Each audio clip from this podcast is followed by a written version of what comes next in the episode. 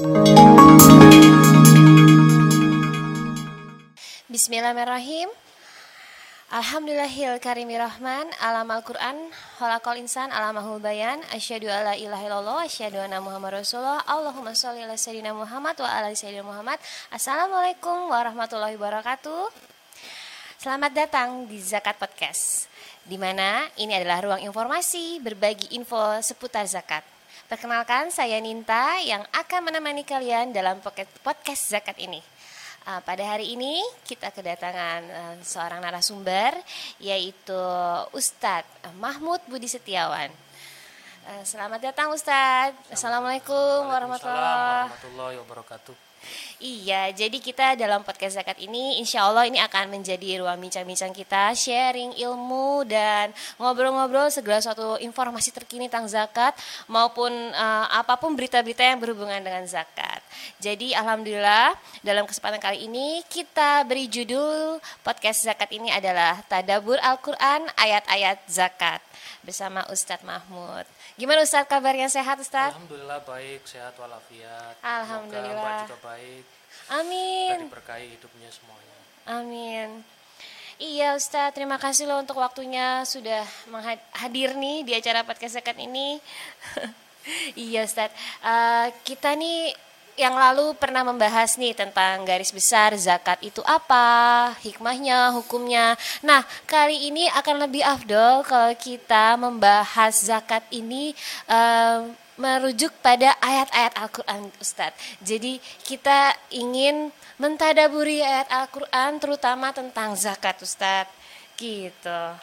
Jadi uh, kita mengundang Ustadz uh, untuk um, menjelaskan ayat-ayat apa sih yang mengandung perintah zakat ini dan sebelumnya Ustadz mau nanya Ustadz arti tadabur itu sendiri apa Ustadz? Oh baik terima kasih atas kesempatannya. Memang sebelum kita melangkah lebih jauh berbicara tentang tadabur ayat-ayat zakat dalam disiplin ilmu tertentu itu ada sebuah tradisi biasanya tradisi itu diawali dengan tarif yaitu definisi sebab tanpa mengetahui definisi terhadap kata-kata yang kita sampaikan ke orang, maka kita tidak akan mengerti maksud dan tujuannya. Oleh karena itu, sebelum kita menjelaskan lebih jauh tentang tadabur ayat-ayat zakat, semestinya kita juga tahu paling tidak gambaran globalnya mm-hmm. apa sih yang dimaksud dengan tadabur. Nah, tadabur ini kalau kita melihat, maksud saya membaca buku-buku karya ulama yang memang otoritatif di bidangnya. Jadi tadabur itu secara bahasa itu asal katanya itu dari kata dubur, artinya itu belakang atau akhir sesuatu. Hmm. Makanya ada hadis duburo kulas solati maksudnya itu di akhir sholat. Di akhir sholat maksudnya dianjurkan membaca misalkan ayat kursi, zikir-zikir yang masru atau disyariatkan oleh Nabi jadi kata kunci asal bahasanya itu adalah belakang atau akhir. Nah, kemudian kalau kata tadabur sendiri itu merupakan masdar dari fiil humasi atau kata kerja yang biasa dilafalkan dengan tadabbaro ya tadabbaru tadabburon. Artinya kalau kita melihat di sini saya tulis juga penjelasan Mukotil bin Sulaiman, kemudian Abu Hayyan, hmm. seorang ulama kenamaan di dalam bidang ilmu tafsir, itu artinya itu tidak lepas dari beberapa kata, misalkan berpikir dan merenung. Oh, proses berpikir ya, dan merenung. Berpikir dan merenung. Dan perenungannya kalau tadabur itu lebih menarik karena apa? Karena perenungan di sini itu bukan sekedar merenung saja, bukan sekedar mikir-mikir saja, tetapi mm -hmm. ada outputnya. Apa sih yang akan kita akan kita hasilnya lakukan setelah gitu. itu? Iya, hasilnya ah, apa gitu. Oke. Okay. Makanya tadabur itu nanti erat kaitannya dengan output apa yang kita capai ada setelah ya, setelah uh. membaca Al-Qur'an itu. Bukan uh. sekedar menikmati keindahan Al-Qur'an sebagaimana pakar bahasa, tetapi bagaimana Al-Qur'an itu yang sebelumnya itu hanya di dalam kertas mampu hmm. mewujud dalam dalam kehidupan nyata. Ada implementasinya, ada itu tadi eh, Berarti lebih apa. dalam ya tadabur Lebih itu dalam, ya. lebih Oh, nggak hanya sekedar hanya tahu arti tadabur itu terjemah nggak hanya sekedar gitu Makanya ya. kita eh, coba kita ini ya, kita baca beberapa definisi tentang tadabur Boleh, misalkan dari Mukotil bin Sulaiman. Tadabur menurut beliau itu artinya secara ini ya, istilah merenungi makna-maknanya, maksudnya kitab Allah Al-Qur'an, menajamkan pikiran kita dalam memahami ayat Al-Qur'an, kemudian juga memahami prinsip-prinsip akibat-akibat dan konsekuensinya. Jadi sekali lagi bukan sekedar memikirkan merenungkan, tetapi bagaimana ayat-ayat yang kita tadaburi itu mampu memberikan kesadaran di dal- dalam relung hati kita, kemudian ada actionnya setelah itu. Inilah kalau kita membaca definisi tadabur. Tadabur. Kemudian saya tambahkan misalkan Abu Hayyan, seorang ulama juga, ahli bahasa, yang dimaksud dengan tadabur itu memikirkan ayat-ayat serta merenungkan hingga membuat pelakunya bisa melihat atau memperhatikan akibat sesuatu. Oh, Jadi ada bukan sekedar memikirkan tetapi ada itu tadi. Ujungnya apa sih? ah. Gitu loh. Apa sih yang akan dilakukan setelahnya? Itulah tadabur. Oke, jadi nggak hanya sekedar berpikir, itu selesai aja ya. Iya, Harus kalau- ada aksinya apa? Nantinya Kalau apa? sekedar berpikir ya kayak para filosof Benar-benar mengamalkan ayat Iya, itu ya. Iya. Ah, lebih ke para mengamalkan ya. Seperti itu ada hal yang bisa bisa kita tuju bukan sekedar membaca saja. Jadi tadaburnya bisa dibilang sebagai proses eh, belajar Al-Quran yang tertinggi dong ya. Kar- Itu bukan hanya proses belajar Al-Qur'an tetapi di antara tujuan Al-Qur'an diturunkan itu apa? Ya. baru supaya mereka mentadaburinya, Mentadabur. merenunginya dengan mendalam, kemudian dengan hasil renungan itu mereka bisa mengamalkan ajaran Islam dalam kehidupan Wow, sehari-hari. Masya Allah Ustadz, rasanya baru kenal ya istilah tadabur ini ya. Selama ini kita kan jarang nih dengar kata Ya, tadabur, tadabur. Tahu tadabur alam. Baca atau sekedarnya itu. Eh, eh, iya iya benar Ustadz. Terus Ustadz eh, mengenai eh, tadi arti, arti kata tadabur nih. Nah sekarang dikaitkan dengan zakat nih Ustadz. Kan eh, yang udah-udah tuh eh, boleh cerita dikit ya. Ninta nih browsing nih ternyata dan tadi juga eh, dapat wawasan dan sebelum-sebelumnya juga pernah tahu bahwa zakat ini Ustadz ternyata perintahnya ini dalam ayat-ayat Al-Quran ini disejajarkan dengan sholat. Eh, ada sekitar 27 ayat Ustadz yang menerangkan bahwa perintah zakat dan sholat ini sama gitu Ustadz. Jadi kita nih eh, kok rasanya agak lalai ya soal zakat ya kayak menye, buka agak sedikit menyepelekan betapa pentingnya wajibnya zakat itu Ustadz. Itu karena dari proses petadaburan salah nih kita nih berarti nih. Mungkin saya kali ya. Pertanyaan yang bagus, cuman sebelum saya menjawab pertanyaan yang bagus itu, saya juga mulai dari bahasa ya, Iya. arti bahasa, definisi zakat itu supaya kita Oh iya, zakat. mempunyai gambaran.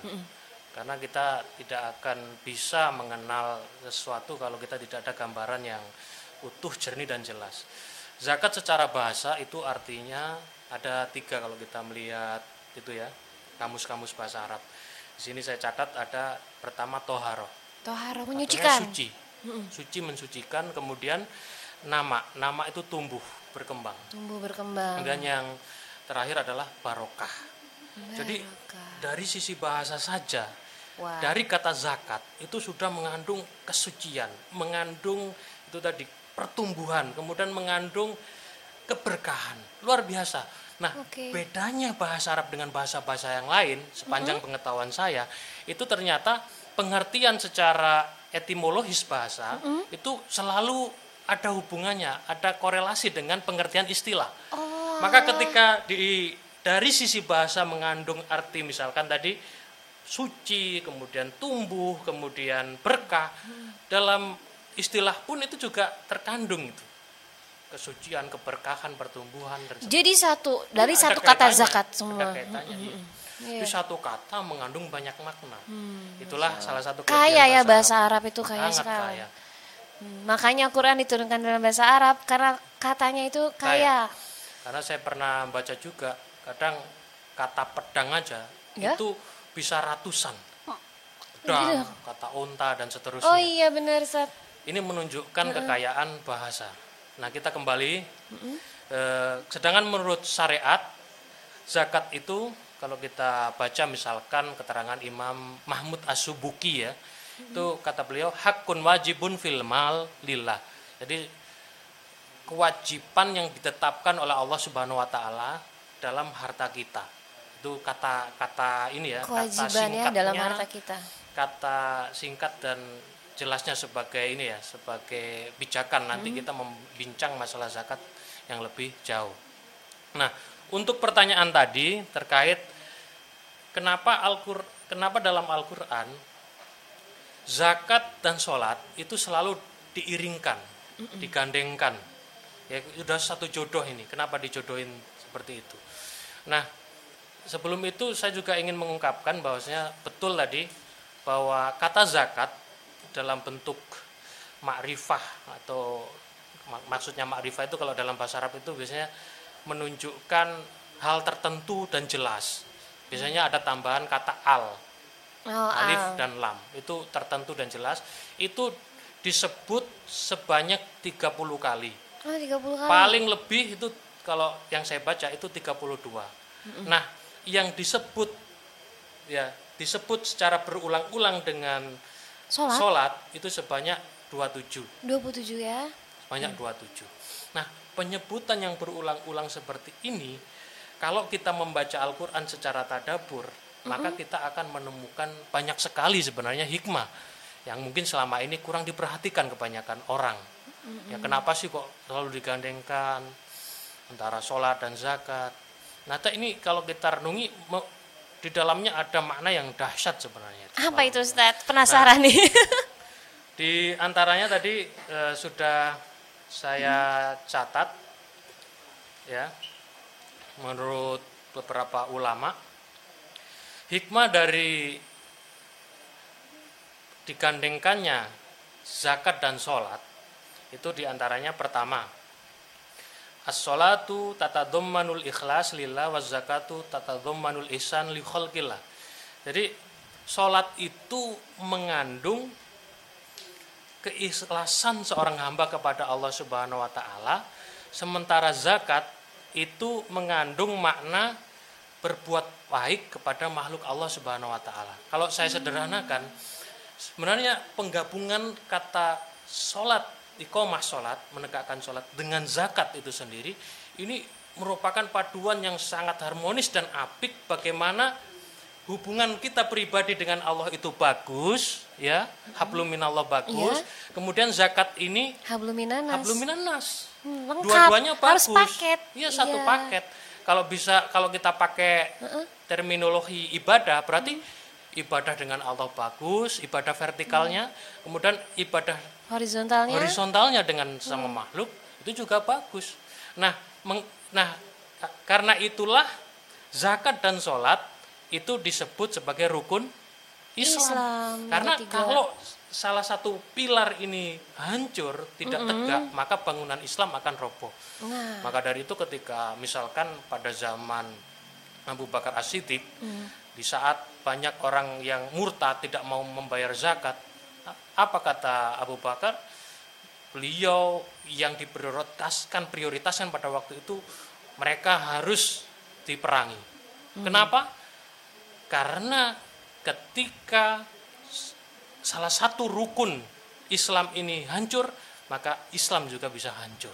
iya. Karena itulah dan saya bisa mengembangkan bahwasanya kalau misalkan kita itu benar-benar menegakkan sholat, benar-benar menunaikan zakat secara ini ya, secara maksimal, secara sesuai dengan apa yang diperintahkan Allah dan Rasulnya, bukan saja pada level individu keluarga, tetapi pada skala peradaban pun kita akan mengalami kegemilangan, kemajuan dan perkembangan yang luar biasa sebagaimana masa-masa keemasan Islam. Hmm, izinin minta ngasih ini Ustaz, istilah imunitas ekonomi. Iya, Wah, imunitas ekonomi.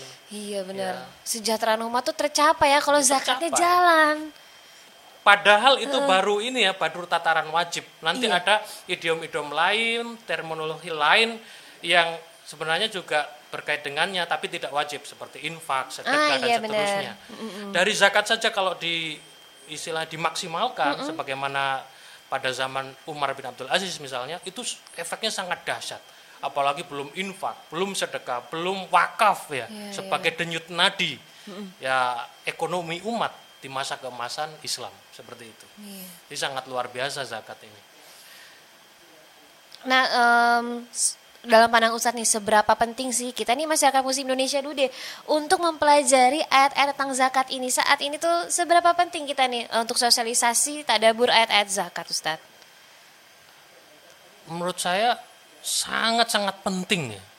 Kalau seberapanya eh, mungkin bisa relatif, tapi paling tidak secara global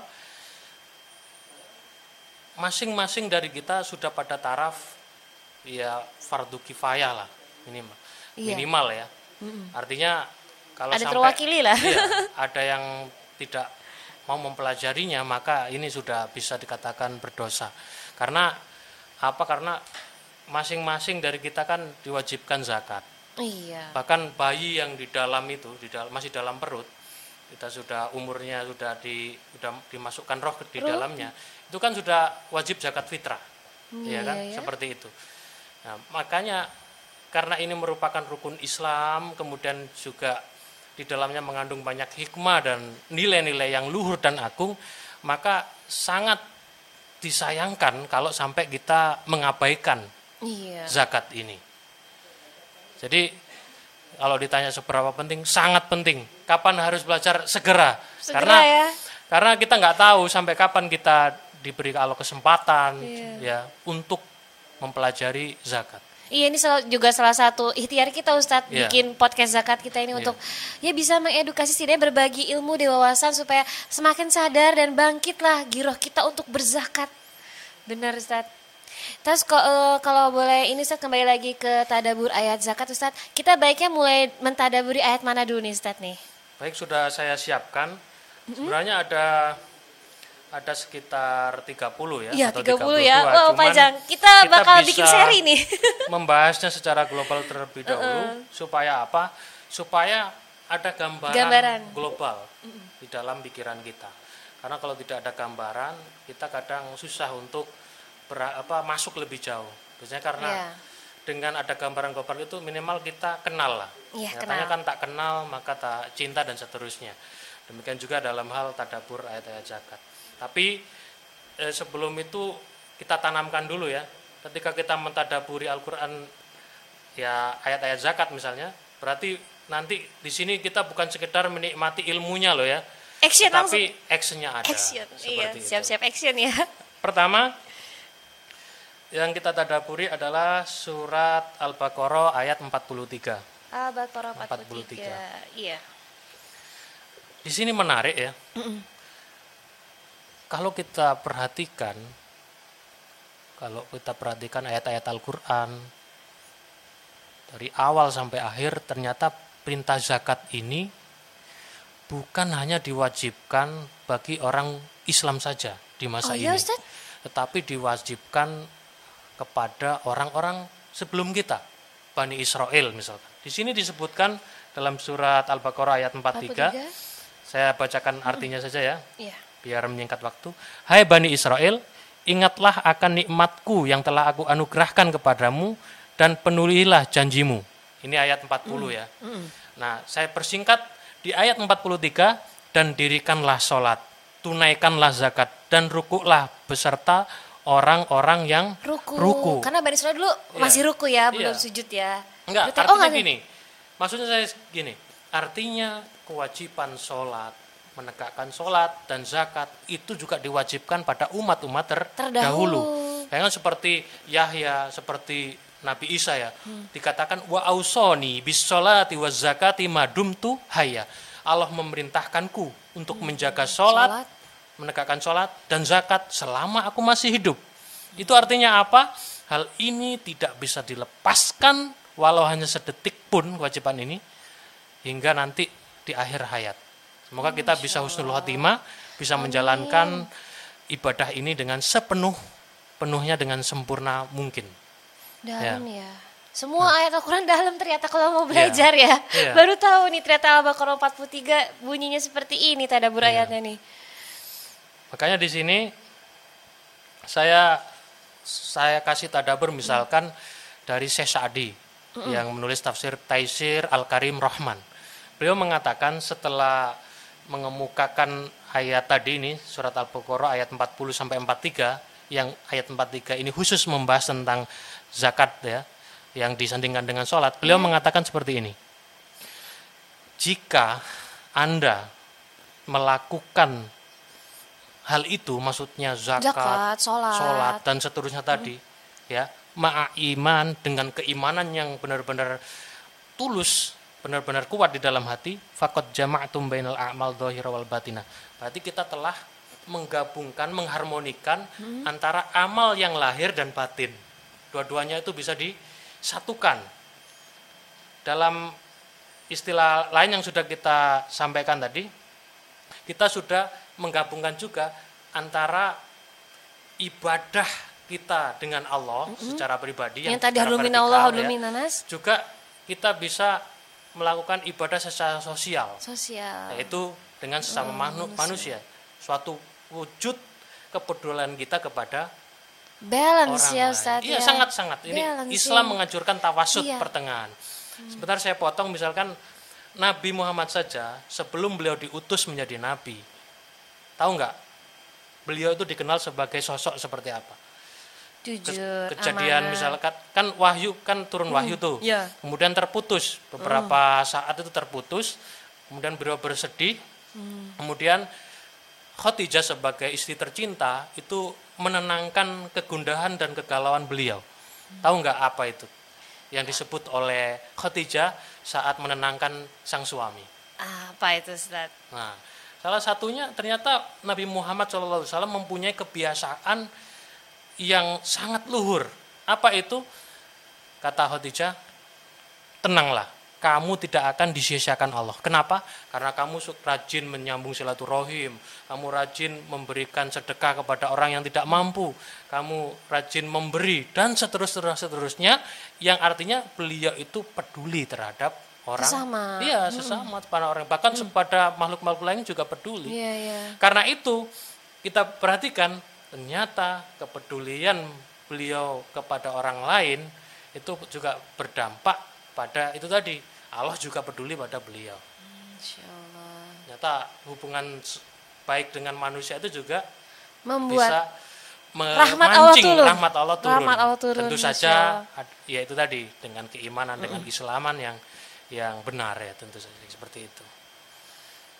Itu yang dari surat Al-Baqarah ayat 43. Nah, kemudian yang kedua eh, surat Al-Baqarah ayat 83. Nah, artinya dan ingatlah ketika kami mengambil janji dan dari janji dari Bani Israel yaitu janganlah kamu menyembah selain Allah dan berbuat kebaikanlah kepada ibu bapak dan seterusnya ya sampai pada kata-kata dirikanlah sholat dan tunaikan zakat. Iya. kemudian kamu nah bentar ya. Kemudian kamu tidak memenuhi janji itu ke- kecuali sebagian kecil daripada kamu dan kamu selalu berpaling. Jadi di sini Memang tantangannya ada pasti orang tuh. Enggak di sini disebut seperti ini ya. Bani Israel itu kikir. untuk untuk untuk di, untuk diajak pada sesuatu untuk Yang baik, iya yang baik itu masih perlu mikir, tadi, banyak pertimbangan. mengambil janji perlu perjanjian ah, harus janji dulu Janji dulu. harus, harus Oh. diancam dulu harus jadi Ya dari ayat ini pun kita Iya bisa ya. mengambil pelajaran bahwasanya jangan sampai kita itu seperti mereka Diambil dalam dulu. menunaikan zakat Iya. mereka itu kalau dikasih perintah biasa-biasa saja Nggak dijalanin. nggak dijalanin kadang-kadang yang janji pun itu mereka langgar gitu Astagfirullah, ya. Jangan Tapi sampai di seperti sini ya. menggambarkan suatu hal yang penting bahwasanya di samping zakat itu memang sudah diajarkan dalam masa Hmm. lalu ya kepada umat-umat terdahulu, tapi juga kita juga bisa mengambil pelajaran dari Bani Israel ini agar jangan niru mereka. Kita me- Mengambil pelajaran lah. mengambil dari- pelajaran artinya me- membayar zakat itu bukan karena terpaksa, Terpaksa. ya karena disuruh orang karena ya orang yang kita cintai dan seterusnya tetapi benar-benar datang dari hati makanya kalau kita membaca eh, kitab ulumul Quran Mabahis fi ulumil Quran karya, karya ulama yang bernama Mana Al-Qotton. Di situ dibedakan antara kata i'to sama ita.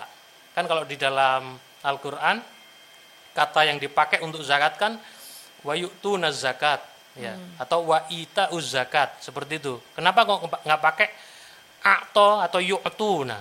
Nah, di sini ada rahasia menarik bahwa kata ita itu bermakna kita memberikan zakat itu karena itulah keikhlasan ketulusan hati kita tidak ada paksaan tidak ada faktor-faktor lain tidak ada pretensi lain selain hanya karena ingin Mengharap mendapatkan ridho Allah Allah. Subhanahu wa taala. Tapi kalau atau atau ito itu memberi bisa jadi karena dia dipaksa. Ustaz. Makanya di dalam Al-Qur'an itu kata ito digunakan misalkan Ada untuk niat lain lah di balik untuk selain Allah. Iya, untuk misalkan orang yang membayar jizya. Jizya Jizya. itu kewajiban membayar semacam pajak tapi bukan pajak ya. Bagi orang yang yang Minta non muslim minta yang hidup ya, hidup di negara muslim. Muslim, minta Maka dia harus membayar Iya, jizya. jizya. Makanya dia memberi kan, kata memberi. Nah, mereka memberi itu kan kadang ya karena terpaksa Iya. karena kan ikut ikut di dalam negara muslim Islam. dan seterusnya. Nah, makanya diksi yang dipakai di dalam Al-Qur'an itu ita. Ita. Itu menunjukkan bahwasanya Ada dalam keikhlasan. membayar zakat itu usahakan dengan cinta, Hmm. usahakan dengan hati yang tulus, usahakan dengan itu tadi hati yang lapang. Oh, iya, Seperti itu. lapang. Rahasia digunakan kata ita. Kemudian selanjutnya di ayat di surat Al-Baqarah ayat 110. Nah, di sini juga masih terkait dengan tema yang sama bahwasanya sholat dan zakat itu masih bergandengan. Dan dirikanlah sholat dan tunaikanlah zakat. Dan kebaikan apa saja yang kamu usahakan bagi dirimu, tentu kamu akan mendapat pahalanya dari sisi Allah. Sesungguhnya Allah maha melihat apa-apa yang Kamu kamu, kerjakan. kerjakan. Nah, sepintas kita bisa mengambil isyarat tadabur dari ayat ini. Tidak usah khawatir, tidak usah risau, tidak usah takut. Kalau kita ini benar-benar menjalankan zakat dengan sebenar-benarnya, pasti Allah akan menjamin pahalanya. Pasti Allah akan istilahnya menolongmu ketika ada kesulitan. Iya. Makanya bagi para muzaki nggak usah khawatir. Nggak ada cerita ya, Iya. karena berzakat makin bangkrut. Makanya dalam suatu hadis ini saya tulis juga Ya. di riwayat Muslim ya, dikatakan mana kosot sodakotun min malin. Artinya apa, Ustaz? Jadi sedekah itu tidak akan mengurangi harta kita Ya. pada hakikatnya. Karena kalau kita lihat pengertian zakat tadi, Hmm. zakat itu malah membuat itu tadi suci, Bertumbuh, membuat berkembang. berkembang, kemudian juga berkah. Perkembangan kadang-kadang juga bisa secara fisik bertambah banyak, kadang juga bisa keberkahan. Keberkahan. Dapat sedikit tapi kok cukup ya. Itu termasuk. Ciri-ciri harta dari- yang berkah ya? Iya, seperti itu. Iya. Jadi nggak usah khawatir kalau kita berzakat, yakinlah bahwa Allah akan menjaga dan menolong kita dan tidak akan membiarkan kita hidup kiri atau Hmm. misalnya dicampakkan oleh orang lain. Tenanglah, Allah pasti akan menolong kita. Itu da- dari ayat yang ketiga ya. Iya. Kita ambil secara global nanti baru kita mudah-mudahan ada waktu Iya. Tersendiri untuk mentadaburnya secara khusus. Kemudian yang keempat, surat Al-Baqarah ayat 177. Di sini disebutkan bahwasanya menunaikan zakat itu termasuk albir. Albir itu kebaktian, kebajikan. Makanya laisal birro antuwallu wujuhakum kibalal masyriqi wal maghrib ya. Nah, di ayat 177 ini Allah mengungkapkan nilai-nilai penting bahwasanya kebaktian, kebajikan itu bukan sekedar kalian itu menghadapkan wajah kalian ke barat, Barat. atau ke kiblat saat sholat. Kalau maksudnya kalau Indonesia kan Iya ke barat agak ke utara ya. Maksudnya kiblat. Kiblat.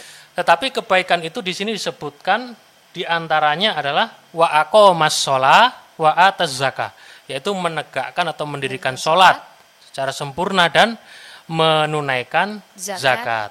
Nah, di dalam tafsir Jalalain dikatakan maksudnya itu melakukan sholat wajib secara sempurna, ya rukun syarat rukunnya, dan juga menjalankan atau menunaikan zakat itu dengan sukarela.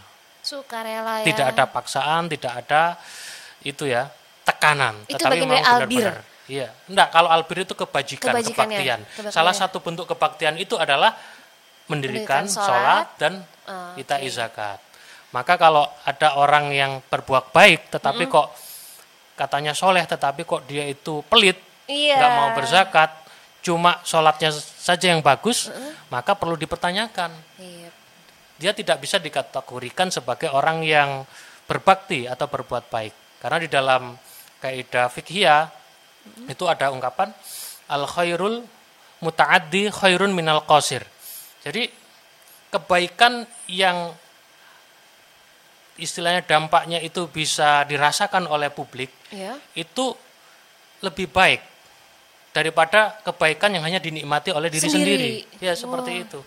Makanya dalam istilah-istilah Al-Qur'an, kita itu kan tidak hanya menjadi orang yang soleh, tetapi bagaimana kita bisa muslih, Iya muslim. mampu mentransfer kesalehan kita dengan, kepada orang lain, mampu memberikan manfaat seluas-luasnya. Karena apa? Khairun nas anfa'uhum linnas. Sebaik-baik manusia adalah mereka yang paling baik manfaatnya, Manfaatnya. kepada manusia yang lain seperti itu. Masya Allah, Ini luar sangat biasa berkaitan ya. dengan zakat kepedulian sosial itu. Itu tadi di ayat yang Ah, keempat ya. Iya, Al-Baqarah Al-Baqarah 177. Dilanjut nggak? ya? Boleh, boleh. Ustaz. Satu lagi nih kalau Ya, gitu. Karena waktu kita terbatas Ya. dalam pakai zakat ini. Satu lagi ayat. Baik. Yang selanjutnya Bentar ya.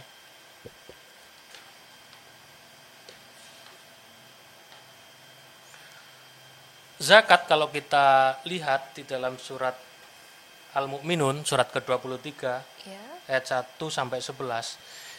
Ini kan dibuka dengan qad aflahal mu'minun. Qad aflaha. Sungguh telah beruntung orang-orang yang beriman. Beriman. Ini jaminan dari Allah. Kalau Allah sudah ngomong sungguh, pasti itu terjadi. Tapi kalau kita kan sungguhnya kita kadang-kadang masih nggak terjadi, bohong dan seterusnya. Tapi ini sudah jaminan Allah. Sungguh beruntung orang-orang beriman. Salah satu cirinya apa? Di situ disebutkan pada ayat keempat, waladzinahum lizzakati fa'ilun. Orang-orang yang menunaikan zakat. Iya, fa'ilun benar-benar ngerjakan. Fa'il bukan, ya, bukan kerjain. sekedar motivator zakat, tetapi Action. dia action. Action. Oh, zakat itu bagus, Masya bukan sekedar itu, tapi langsung terjun. Fa'il, pelaku seperti Pelaku. itu. Nah, kita lihat di ayat terakhir apa kata Allah? Ulaika humul warisun alladzina yarisunal firdausa hum fiha khalidun. Ternyata orang yang menunaikan zakat dengan penuh ketulusan sesuai dengan apa yang diperintahkan Allah dan Rasulnya, mereka itu akan mendapatkan surga, firdaus. firdaus. Surga tertinggi. Dan kita bisa hidup berdampingan dengan Rasulullah Shallallahu Alaihi Wasallam. Yuk sama-sama kita ke surga yuk. Mari tunaikan zakat. Masya Allah. Ya. Bahkan di ayat lain yang masih ada kaitannya ya. Ternyata orang yang berzakat kalau kita membaca surat Al-Ma'arij ayat 24 itu mereka di dalam hidupnya tidak akan terserang penyakit keluh kesah di dalam hidupnya. Ah, anti ngeluh. Iya. Kan Ikhlas watak ya. manusia kan innal insana khuliqa halu'a. Iya. Sesungguhnya manusia itu diciptakan dengan memiliki watak berkeluh kesah. Iya, berkeluh kesah. Nah, ternyata yang selamat itu adalah musallin, yaitu orang orang yang sholat. Apa ciri-cirinya? Nah, di antara cirinya pada ayat 23 dan 24 alladzina hum ala sholatihim daimun. Yaitu orang yang secara dawam secara konsisten menjaga sholat. Menjaga baik sholatnya. syarat dan rukunya bahkan sampai pada tingkatan bisa mencegah perbuatan keji dan mungkar sholatnya. Tetapi juga waladina fi amwalihim hakum maklum di dalam hartanya dia itu sadar bahwasanya di situ ada hak, Hak orang lain. orang-orang tertentu bagi orang yang butuh siapa? Lisa ili wal mahrum contohnya seperti orang-orang Orang yang yang miskin, minta karena nggak punya atau orang yang nggak punya tapi nggak nggak berani minta Iya. dan perlu diketahui ternyata ayat ini adalah ayat makiyah. Artinya yang diturunkan Ada di Mekah. Artinya sebelum kewajiban zakat pada waktu di Madinah tahun kedua itu pun ternyata nilai-nilai luhur tentang zakat itu sudah ditanamkan di Madinah. Ini Makkah? menunjukkan iya di- ditanamkan di Makkah maksudnya. Ini menunjukkan bahwasanya zakat itu memang salah satu urat nadi dari itu Urat tadi nadi. kehidupan kita sebagai muslim. Kalau kita mengabaikannya maka kita akan timpang kehidupan kita. Bener ini Iya. urgensi zakat itu, ini kesadaran kalau zakat kita luar mau biasa menjadi nih. orang yang beruntung, mendapatkan surga firdaus, kemudian kita tidak keluh kesah, Kesah. dalam hidup, berzakatlah. Iya, berzakat. Yakinlah Allah pasti Jadi zakat ini mengurangi rasa takut namanya manusia Ustaz kan ada khauf Ada, minju gitu iya. rasa takut, Bahkan takut di ayat apa, lain- takut kurang, takut Bahkan di ayat ayat lain sudah saya catat, ternyata di ayat lain itu ada ungkapan bahwasanya orang yang berzakat itu termasuk bagian orang yang fala khaufun alaihim walahum yahzanun katanya tidak akan takut takut. ya, kekurangan. tidak akan khawatir juga tidak akan bersedih. Hmm, Masya Karena apa? Karena backingnya, ya acuannya, tulisan tautan hatinya hanya Allah Subhanahu wa taala. Dan sebagai muzaki juga ada kepuasan tersendiri ya ketika zakat itu ternyata ada manfaatnya terhadap penerima. Iya. itu sesuai nanti di surat At-Taubah kalau kita ada kesempatan itu. Iya, boleh, kan boleh. zakat itu kan karena ungkapannya gini, A'udzubillahi minasyaitonirrajim, khud min ambalihim sedekah. Ya, ambillah sedekah maksudnya zakat, zakat. Dari mereka itu. Apa fungsinya? Tutohiruhum wa tuzakkihim Menyucikan biha. mereka. Ya. Artinya untuk mensucikan, mensucikannya dari apa? Dari dosa-dosa, Siapa tahu dan ahlak-ahlak yang keji ya. Kemudian waktu zakihim bisa membuatnya itu berkah, Berkah. bisa membuatnya itu berkembang, Berkembang. baik secara fisik ataupun ternyata perkembangan itu bisa dalam bentuk dia itu kok semakin nyaman ya melakukan kebaikan-kebaikan dalam agama. Bisa sejauh itu ternyata. Luar mengikis biasa zakat rasa itu pelit. iya gigis, gigis rasa pelit dan seterusnya Iya. sebab kalau kita itu sudah selesai dengan zakat ini kita lakukan dengan sukarela dengan penuh kecintaan maka Iya. ketika kita melakukan varian-varian lain seperti sedekah infak wakaf itu akan mudah ini menjadi pintunya Tuh kata kuncinya menumbuhkan kecintaan dalam berzakat. Masya Allah Ustadz, bener ya. Iya. Kita harus benar-benar menumbuhkan lah kesadaran sukarela cinta untuk berzakat tanpa paksaan. Iya. Iya. Ya, dari kata ita aja kalau orang ngerti bahasa Oh, berarti dari cinta itu karena kita tidak akan mendapatkan cinta Allah kalau kita tidak melakukan benar-benar tulus dan dengan didasari cinta jadi seperti itu Iya Ustadz, nih karena waktu kita terbatas, insya Allah nanti kita ketemu lagi Ustadz ya di podcast Insya zakat berikutnya. Kita bahas lagi sisa-sisa dari, bukan sisa sih sebenarnya, ayat-ayat yang belum, gak ada sisa dalam. Al-Quran, masih banyak banget ayat-ayat Al-Quran yang perlu kita tadaburi tentang zakat, supaya kita lebih beriman dan lebih menjalankan rukun Islam secara utuh ya, jadi nggak hanya sekedar sholat, eh, puasa, sebentar lagi juga Ramadan, jadi zakat ini benar-benar berperan banget untuk kesejahteraan umat. Makasih banyak Ustadz atas pencerahannya. Insya Allah nih eh, sebelum kita tutup nih Ustadz dari pembukaan kita tentang tadabur ayat tentang zakat ini Ustadz, apa Ustadz eh, kesimpulan dari yang pertama ini Ustadz, secara garis Baik, besar? eh, secara umum jadi ketika kita nanti mentadaburi ayat-ayat zakat tanamkan pada benak dan jiwa kita bahwa kita dalam merenungi ayat-ayat Al-Quran itu nanti yang lebih penting dari perenungan itu adalah apa action kita setelah itu. Jangan sampai kita itu menjadi orang yang maghdub alaihim. Tahu sesuatu, Tahu tapi tetapi tidak ngapain. mengamalkan. Iya. Tidak mengamalkannya seperti orang Yahudi, maghdub alaihim. Atau sebaliknya, waladhdallin. Tidak tahu tapi amalnya banyak. Akhirnya Sesat. mengamalkan sesuatu tanpa dasar ilmu. Iya tersesat. Iya, makanya kalau kita nanti kalau dikasih kesempatan untuk mentadaburi ayat-ayat zakat, ya yang lebih penting dari semua itu bagaimana kita bisa menjadi minimal untuk diri kita menjadi muzaki. Syukur-syukur kita bisa menjadi istilahnya apa ya?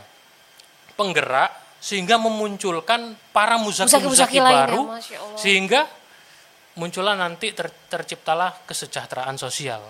Bahkan su- kalau bisa itu nanti ada masa menarik misalkan mengalami kelangkaan mustahik misalnya. Oh, amin itu berarti pada zaman Umar bin Abdul Aziz. Aziz, ya. Sampai bingung cari Iya, mustahik di mana ya? Di mana nih mau zakat siapa yang mau nerima? Iya. Kapan Indonesia kayak gitu?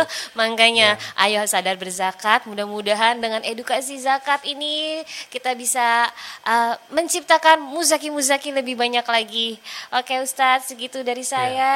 Um, mudah-mudahan ini kita bisa mengamalkannya ya benar-benar ada actionnya dari tadabur ayat-ayat zakat yang tadi kita bahas bersama Ustadz Mahmud.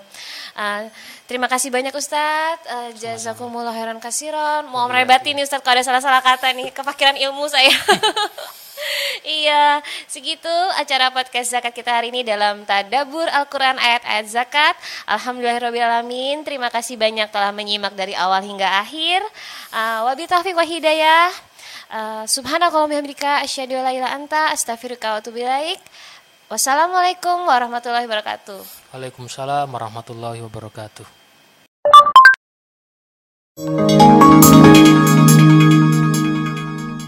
Nas nas akal bersih harta bersih jiwa